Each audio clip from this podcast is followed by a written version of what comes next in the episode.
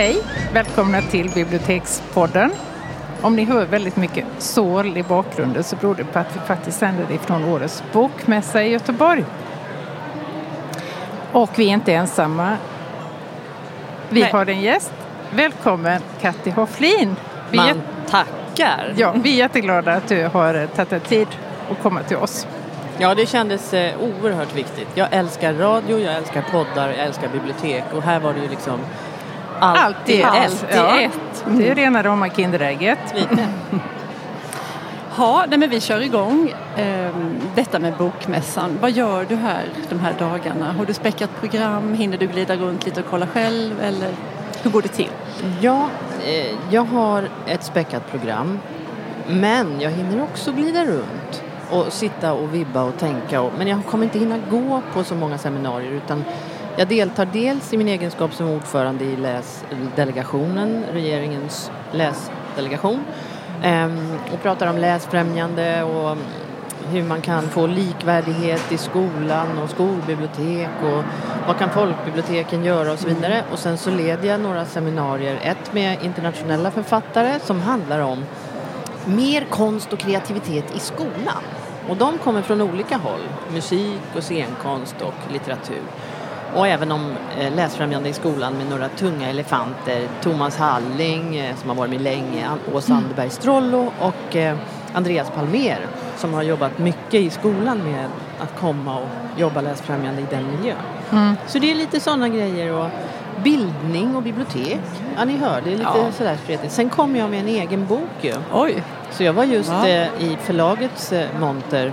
Jag vet inte om vi får nämna det så här Jo, i jo, podden. det får vi absolut. Ja, Vi vill ju Det veta. handlar om en liten varulv eh, som heter Svante och eh, eh, det är Bromberg som ger ut den. Eh, på det, av, av den anledningen att Dorotea Bromberg inte förstår ordet nej. Hon, hon, hon lyssnar inte när man säger jag hinner inte, jag har inte tid. Jo, vad roligt. Nu kommer du, nu kommer du med en ny barnbok. Ja. Det var för länge sedan Ja. Så jag har ju skrivit tidigare. Eh, men sen så tyckte jag, nej, jag hinner inte med. Så pausade jag säkert sju, åtta år. Mm. Så tre till femåringarna kommer, om de vill, få lära känna en liten varulv som inte kan sova på dagen, som de ju ska. Mm. Han går ut i världen och så händer grejer. Okej. För du är ju en sak till som inte du har nämnt här. Du är ju stadsbibliotekarie också. Ja. Ja. Hur blir man det? Det vill vi också bli.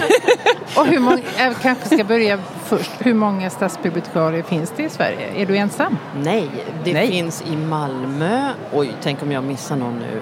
Mm. Göteborg. Men i de större städerna då? Västerås tror jag, kanske Örebro. Nu börjar jag flacka Ja, med blicken ja, lite. ja, men det nej, finns några stycken.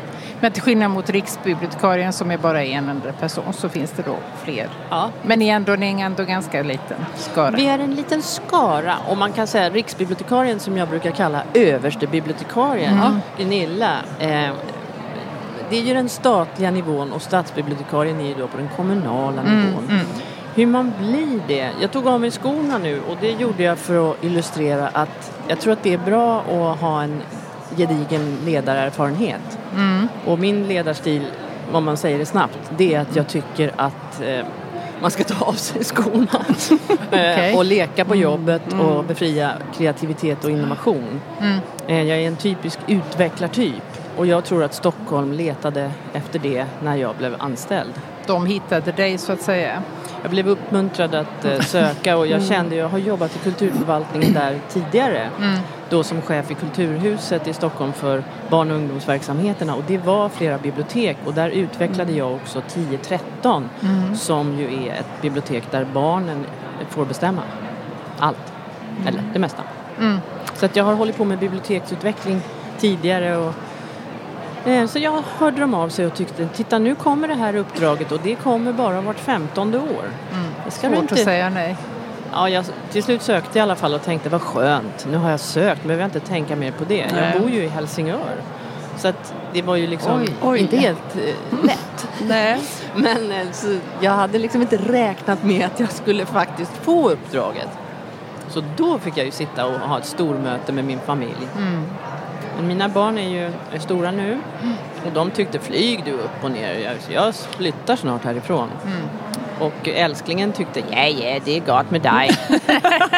det, det räcker. Jag kan inte hålla fast det i alla fall. Han vet att jag är en så kallad, ja jag måste känna mig fri som människa. Spännande. När du sa det här med att ta av sig skorna så tangerade du en annan sak som vi har tänkt fråga dig i din egenskap av chef då. Och det var liksom om du hade mycket kontakt med biblioteksgolvet. Och det har du ju då med skorna av dessutom. Ja, och sen är det ju också i Stockholm nu så är, finns det ju 40 bibliotek. Många Eh, golv. Många golv blir det och därför så gjorde jag dels så direkt när jag började att jag hade mina möten hela tiden ute i olika bibliotek. Eh, Men så har jag också en turné som pågår där jag hela tiden varannan vecka är på turné i bibblan. Så att jag kan sitta och hänga och prata med medarbetarna, fika med dem, se hur mår ni här, hur har ni det, vad fungerar riktigt bra, vad är svårt och jobbigt. Och så brukar jag käka lunch med chefen då, som jobbar på den enheten som det kallas. Ehm, och det är ju ett sätt, eh, men jag har ju kanske lite svårt att räcka till känner jag själv. Eh, att jag skulle önska att jag kunde vara ännu mer på golvet. Ehm, men det, är- det är ett sätt som, där jag åtminstone kommer i kontakt med medarbetarna. Men vad är det som du gillar med biblioteket? Jag tycker mycket av fokus på senare tid har handlat om problem med bibliotek. Det är mycket Ja. med stök och det är mycket med inköp som eh, nekas. Och medan vi försöker i den här podden lyfta fram det lustfyllda med läsning och biblioteket som fantastisk plats. Hur känner du? Alltså, jag har berättat den här historien förut men den kanske tål att berättas igen. Jag skulle vilja säga att bibliotek räddar ju liv. Bibliotek bygger det demokratiska samhället på riktigt. En tisdag i februari när det är slask och lite oglamoröst och tråkigt så kanske en 11-åring hittar plötsligt en bok som gör att hen orkar leva vidare. Eller får tag i ett större språk eller en ny dröm. Någon som är hemlös får tanka lite värme. Ehm, och någon som nyss har kommit till Sverige kommer in i det här landet via biblioteket. Förutom allt annat fantastiskt som är kanske mer synligt så är det de här osynliga miraklen som sker hela tiden. Utan någon röd matta, ingen Nej. presskonferens, Nej. ingen glamour. Nej. Verkligen skit lite resurser, ursäkta att jag svär, i vissa kommuner fruktansvärt svårt. Och ändå står dessa underbara människor där och bara är de här bibliotekarierna och medarbetarna i bibblan som möter okända varenda dag. Man har ingen aning om hur ska det bli ska idag. hända, nej. Snacka om att man är liksom beredd på att tänka nytt Ja. hela tiden. Så att jag kan prata om det här jättelänge men det var definitivt en bibliotekarie som räddade livet på mig när jag mådde dåligt när jag var tio år själv. Min familj eh, gick i kras och eh, jag gick till biblioteket och det var helt enkelt en bibliotekarie där som absolut inte hoppade på mig och sa Vad roligt kommer du! Utan hon var helt liksom diskret och bara Jaha, det är en sån där liten svart unge. Mm. Varsågod, sätt det här. Så att eh, det var, och hon gav mig också böcker som gjorde att jag fick hopp. Barbro Lindgren, hennes självbiografiska serie som gjorde att jag liksom fick lite nya strategier. Ja, man kan se på vuxenvärlden så här. De är ju liksom konstiga.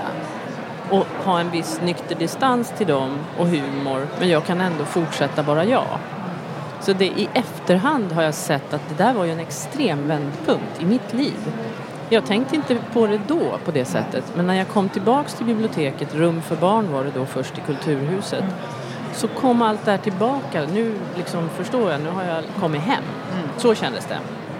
Tangera, vi hade Christian Lundberg, författaren, Malmöförfattaren, för något år sedan som gäst. Och han berättade nästan samma historia som Ja. du. Han hade också en oerhört trasslig hemmiljö men det var hans fristad och hans väg in i bort ifrån det som kunde blivit hans väg medan det ledde in då på författarskapet. Jag tror ju att vi absolut inte är ensamma om den här berättelsen Christian och jag. Nej. För när jag berättar den någon gång sådär så är det nästan alltid någon som kommer fram efteråt och säger precis så var det för mig. Eller jag bodde i en liten stad och det fanns liksom det här o- underbara världarna som öppnar sig. Och jag tycker inte alltid att eh, Just nu är ju biblioteken heta och det kommer pengar och så här så att nu är vi på tapeten. Men det här underbara bygget pågår ju i vardagen hela tiden. Ja. Med ytterst lite resurser. Det tål att talas om och kanske att bibblan skulle bli bättre på att vända ut och in på sig så att visa. Det är det här vi håller på med. Visste du det? Nu har vi till och med varit med om ibland att det kan komma in en människa i bibblan i Stockholm som blir upprörd över att det finns en bok där vars åsikt jag inte, jag gillar inte den här åsikten. Ni måste ta bort den här. Och, så att medarbetarna får, eller ibland jag, förklara vad är ett bibliotek. Ett bibliotek har en mängd åsikter och vi omfattar inte alla dessa. Men meningen är ju inte att vi ska fostra och skydda dig från åsikter eller saker utan meningen är ju att du ska få möjlighet att bilda dig din egen åsikt. Så att den här bibliotekets idé måste också, tror jag, återerövras i en tid där vi mer och mer lätt blir upprörda om vi inte är i en filterbubbla fast nu en analog filterbubbla då. Där det liksom är tryggt, det är ett tryggt rum, det finns ingenting här som upprör eller står i kontrast till vad jag står. Så jag tror att vi måste jobba med det i biblioteket rätt så mycket så att folk förstår varför ska jag försöka lyssna på en annan ståndpunkt än min egen? Tänk om vi får ett samhälle där, inte, där vi suddar bort det. Hur blir det då? Ja, man undrar hur blev det så här egentligen? Jag tror att filterbubblor bidrar. Alltså Ja. att eh, den här Ja, bekräftelsen det. alltså på digitala medier, bekräftelsen av vi är en familj, vi tycker likadant här Mm. och det då, då är det jättesvårt för någon att säga i en tråd, ja fast har ni tänkt på det här perspektivet då? Tvärtom liksom. Nej, För då klickar man bort det. Ja, då man kan man söker bort bara det. sånt som bekräftar det man redan tycker. Ja, jag tycker det är roligt att experimentera med Facebook bara och ha så kallade vänner som tycker väldigt olika. Facebook blir väldigt förvirrat av det och undrar vem, vem är Ja, hon egentligen Ja. här? Men jag tycker att vi måste försöka förstå någon annans perspektiv och inte sluta med det. Och det är ju liksom bibliotekets idé också. också. Ja, nej, men jag tänker jättemycket på det du säger om alla de här vardagsmiraklerna som faktiskt händer varje dag. Och det, det är liksom stora saker och små och det är gamla och unga och det är så fantastiskt att vara i den miljön och få och precis det där också att när man kom- kommer ut och ska ha sitt pass som det heter då att man vet aldrig vad det är som ska hända, vem man ska möta, vad man ska ställas inför. Det, det är häftigt. Det är väldigt häftigt. Mm. Men säger, vad säger ni? Får man någon form av utbildning i utbildningen till bibliotekarie? Träning i eller möjlighet att förstå att det är så här det är att jobba i ett folkbibliotek. Så här kan det vara. Där tycker jag att det finns en, en utvecklingspotential där man kanske tidigt skulle i praktik, väldigt tidigt så Ja. att man fattar nej men jag passar inte i den här läsfrämjande, okontrollerade Nej, liksom, nej. miljön. Jag passar nog mer i ett forskningsbibliotek. Jag förstår ni hur jag tänker? Ja. det fanns ju inte tillstymmelse till Nej, sån, nej, ingenting. inget och det sånt. var väldigt medvetet. Eller jag har läst på eh, Bibliotekshögskolan i Borås och där var det nog en medveten inriktning på det vetenskapliga och det teoretiska Ja. och att man inte bara utbildade för folkbibliotek. Och det drog man lite för långt så att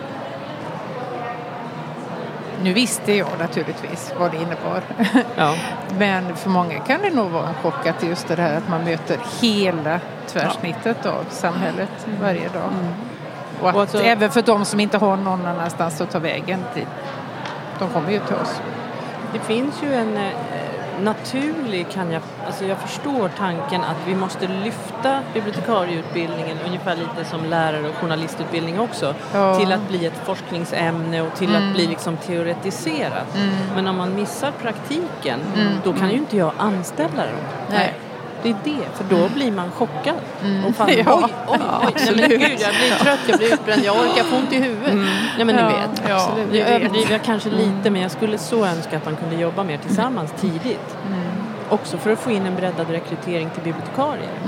Så att de pratar många språk som inte en Absolut. svenskfödd pratar. Absolut. Där finns ju en jätte... Ja.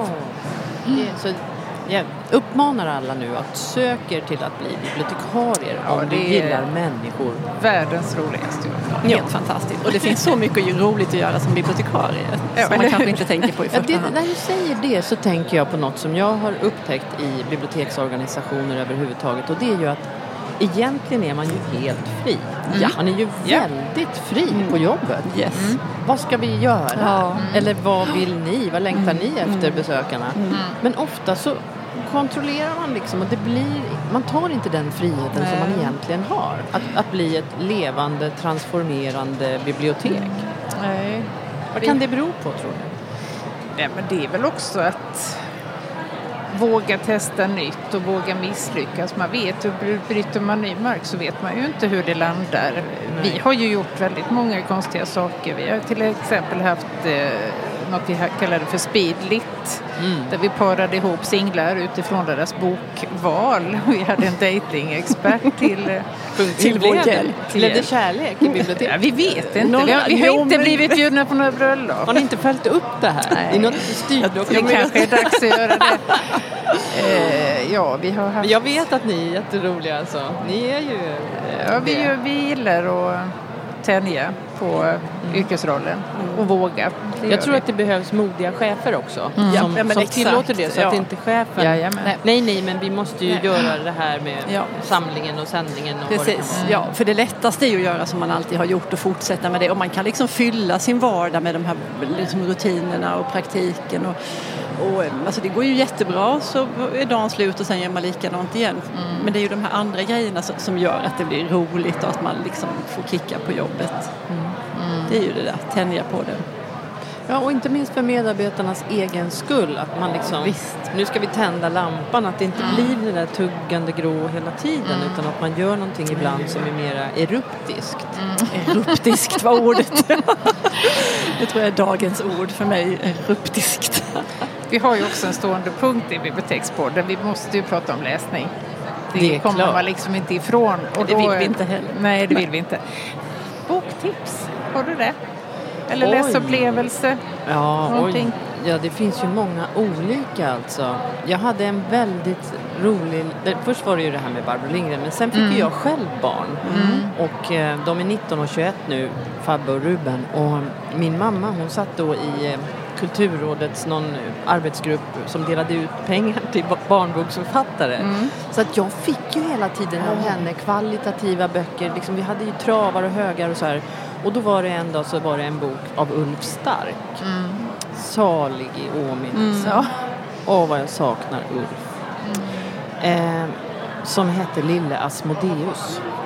Och vi läste alltså sönder. Jag, var, typ- jag fick gå, först lånade jag och sen kände jag att det här går inte. Nu jag får köpa och så fick jag köpa flera ex för vi läste sönder Lille Asmodeus flera gånger. För att den är så genialisk. Har ni läst den? Alltså jag har vet att jag läst den men jag har, kan inte... Jag kan berätta snabbt. den. Det Ja, gör handlar det. om en liten jävel som bor nere i underjorden hos fan själv. Det är hans pappa. Fan. Mm, Och eh, han heter Asmodeus. Och liksom Asmodeus är inte som de andra småjävlarna för att han gillar liksom att borsta tänderna och ta på sig pyjamas och gå och lägga sig när han ska och så här. Och de andra de nyps, petar, petar näsan, kastar skräp på varann och tycker Asmodeus är skitkonstig. Och pappa också, fan själv, han blir liksom bekymrad. Är det här, va? är du verkligen min son? Är du mitt barn? Är du mitt barn? Nej, jag vill att du bevisar att du är en riktig jävel. Och, så han skickar upp Asmodeus eh, till människorna. Eh, för att han ska lura ner en själ. Som är beredd att skriva på att hon kommer, eller han kommer att ge sig själv till djävulen när hon dör. Eh, och han hittar inga först och det är konstigt ute i världen och sådär. Eh, eh, men till slut så ser han en liten tjej som sitter och gråter och frågar "Vad är, varför är du ledsen? Ja, min bror har en, en dödlig sjukdom och vi har liksom inte råd med medicin. Han kommer att dö. Eh, nej men jag kan lösa det, säger Asmodeus. Om du är beredd att skriva på en liten grej med min pappa så kan jag mirakulöst göra honom frisk redan nu. För det kan han ju va? Han kan ju ge folk precis vad de vill ha. Så han helar brorsan och så tar han med sig systern ner till underjorden. Och där, och fan han är så stolt, du är min son Asmodeus. Och så hur var namnet och så börjar han skriva. Förresten, vad har Asmodeus lovat dig? Eller vad har han gett dig för, för mirakel? Eller är det guld och, och liksom obegränsade rikedomar? Eller vad var det som du ville ha? Nej, han har gjort som min bror eh, lever och inte dör just som barn nu. Och han själva, liksom, han bara bryter ihop och ser så jättebekymrad ut och så säger han bara gå bara härifrån liksom. För att det funkar inte så. Man kan inte komma till djävulen med hjälp av en god, God. handling. Nej, det måste så vara något klart. girigt och dåligt, förstår du? Så att han blir så fruktansvärt trött. Och lilla Asmodeus han blir jätteglad för han är ju lite kär i- henne. Så Ja. att det är världens finaste berättelse. Om ni inte har läst den, gör det. Nej, vi får göra det igen. Ja. Nej, men Stark är ju fantastisk. Superduperbra. Ja. Sen har jag nyligen läst eh, Mannen som slutade tänka tror jag den heter som handlar om Wittgenstein. Så ibland är Ja, ju liksom också just det. faktaböcker eh, sp- spännande. Det här är en annorlunda bok som är omtvistad i filosofivärlden ska jag Ja. säga om den är bra eller dålig. Men vilket språk! Mhm. Alltså i själva berättelsen. Så i början av den väldigt tjocka boken om Extremt tjock är Ja, den. den är härlig. Den Ja. tar inte slut. Vem har skrivit denna Ja, fantastiska bok? Nej, det kan vi kolla Nej, sen. Det kan ni kolla sen. Vi ja. måste faktakolla detta. DBZ Wittgenstein hittar vi den. Ja. Ja, det gör vi. Men då i alla fall, när man slår upp boken så kommer man rakt in liksom i hans liv. Så det är nästan som, eh, som den här corrections eller någonting där, eh, där man också liksom får balansproblem för att det är så mm. käftsmällande språk. Det är bara, åh, det är kaos. Wittgenstein lever liksom i kaos när han är ung. Och alla tar ju livet av sig i hans eh, familj hela tiden. Alla är homosexuella. Okej. Nej, men det är så hemskt, det är så sorgligt. Ja. Och jättehemskt uppväxt. Ja, den, men jag vet, Det låter härligt. ja, och han säger ju också att han måste sluta prata. Därför att eh, han kan inte säga någonting mer. Alltså, det, den är spännande rent filosofiskt också. Ja, Ja. det var det. Jeanette, har du något tips? Nej, men jag blev så inspirerad här av just de här biblioteksupplevelserna så jag tänkte delge en sån som gör jag det. hade för några veckor sedan. Och jag, jag var så till mig efteråt så jag var tvungen att mejla min chef och berätta om det. Nej, men det, ibland måste man ju bara dela. Ja. Och det var en helt vanlig tisdagkväll. Eh, vi jobbar ju på Halmstad stadsbibliotek som är ett ganska stort bibliotek. Eh, och det pågick jättemycket den här kvällen. Klockan var kanske sju, halv åtta. Och det var en jazzkonsert på ett våningsplan och eh, några meter bort var det ett vetenskapscafé. Jag kommer inte ihåg vad det handlade om.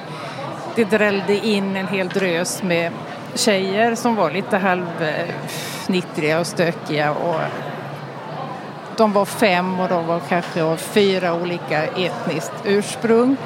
Bakom mig satt en man och bredde ut sin bönematta. Helt bara vardagligt.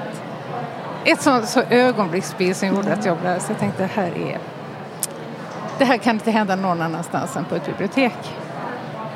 Nej. Nej. Jag börjar nästan gråta. jag Ja, jag ändå gjorde jobbar. nästan det Jag också. För att det var så...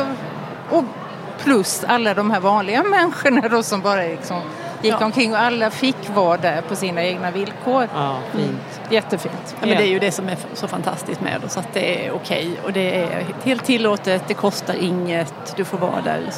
Nej, ingen du ifrågasätter. Vad ska du Nej, göra här idag? Nej, nej, nej. nej. Det, men det är ju, vi är ju den sista utposten tycker jag det känns som ibland.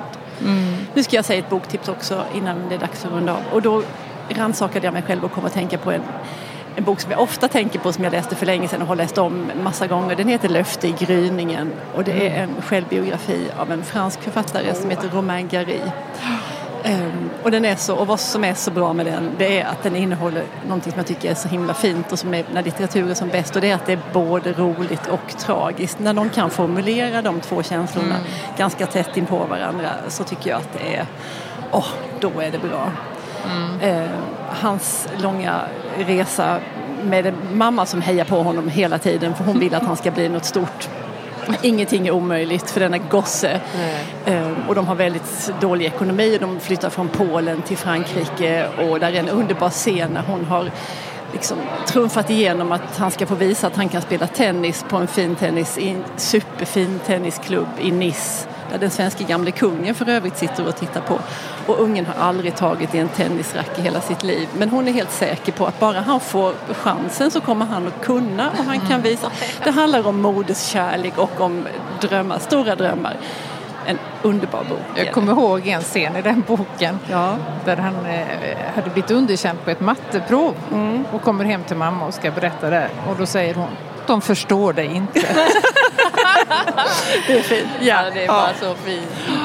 Ha, Vi, jag och min syster vi har ju bildat en liten grupp som heter Mammor utan gränser. Maman sans frontières. Åh. Och det, det låter som en bok vi ska läsa. Ja men gör det, för ni kan få många goda uppslag. Om måste ni berätta en det. sak till om Ja. den här fantastiska mamman. Eh, För hon var ju så fylld av omsorg och tilltro till sonen och hon visste, han gick ut i krig och hon, visste, hon hade en dödlig sjukdom och visste att hon skulle dö. Men för att inte oroa sin lille gosse då så skrev hon alltså två, över 200 brev som hon lät en väninna posta ett i veckan.